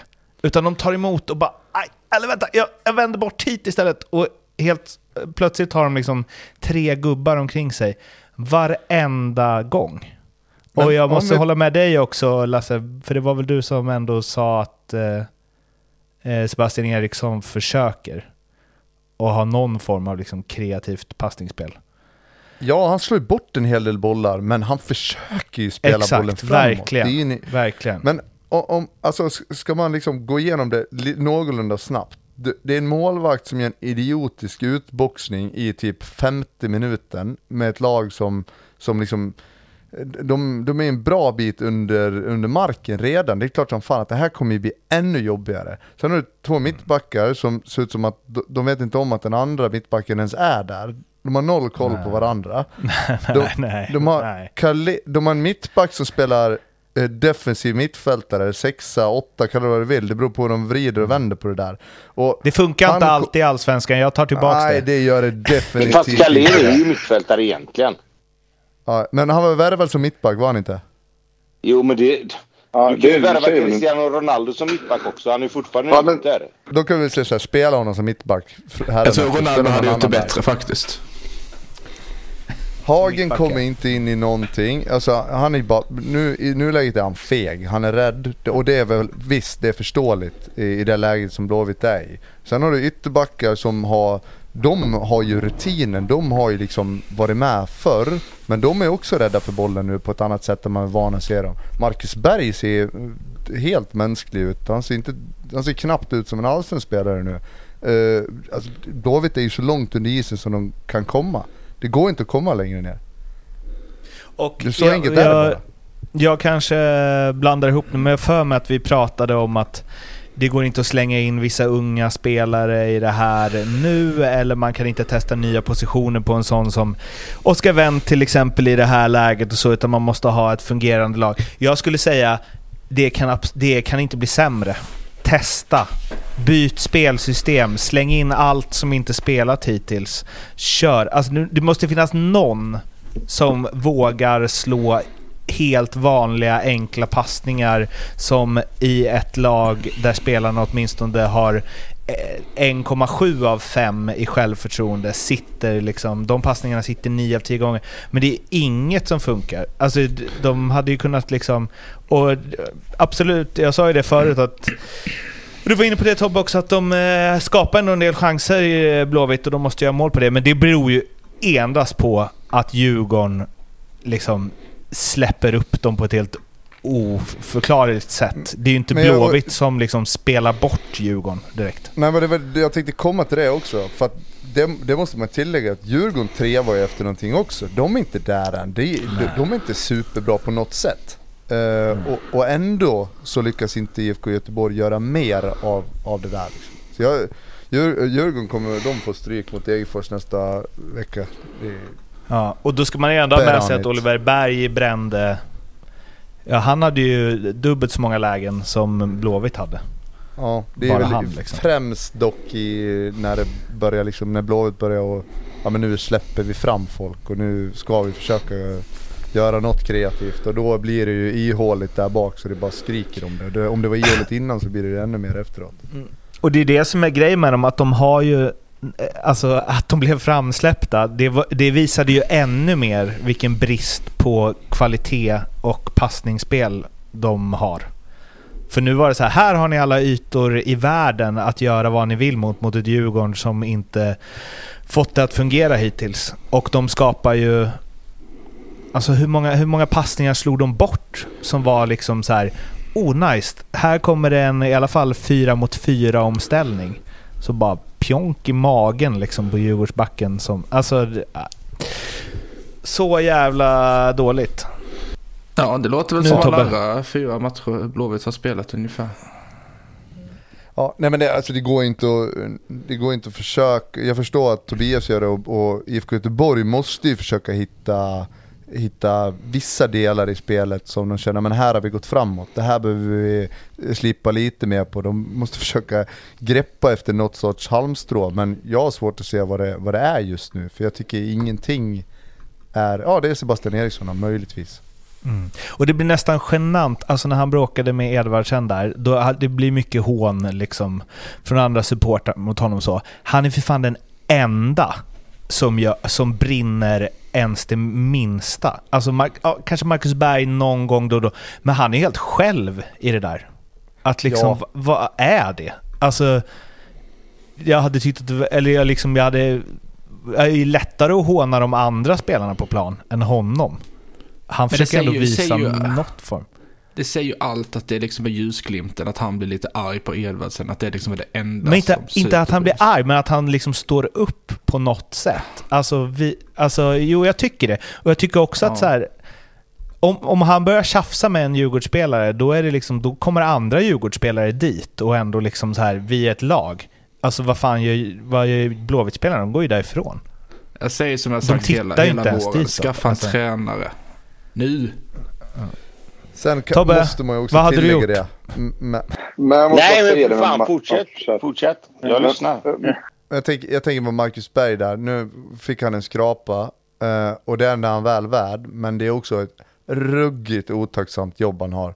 Han är helt ensam och ska han ska vara bollmottagare, han ska vara den trygga punkten, han ska vara ledaren och så ska han dessutom vara på plats i straffområdet. Göra må- alltså, det, det är inte rimligt att man ska ensam klara av att sköta ett helt anfallsspel. För det går inte. Där har du, där har du ens garanti 15 plus mål om man hade spelat i Elfsborg.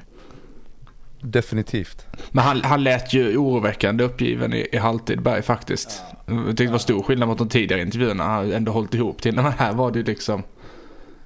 Jag vet, ja, jag vet inte, det, det är som, som du sa Lasse, du kommer, de har ju kommit så långt ner som det bara går. Och, och de här liksom...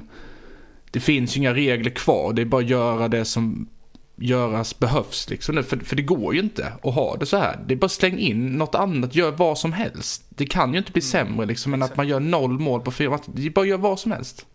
Precis vad som helst. Eh, Hussein Kanil skadad eller? Han har en känning någonstans. Jag vet inte riktigt var den känningen är någonstans. Men ehm, han har ju uppenbarligen haft problem med någonting som gör att han inte kan spela. Eh, så att eh, så är det ju.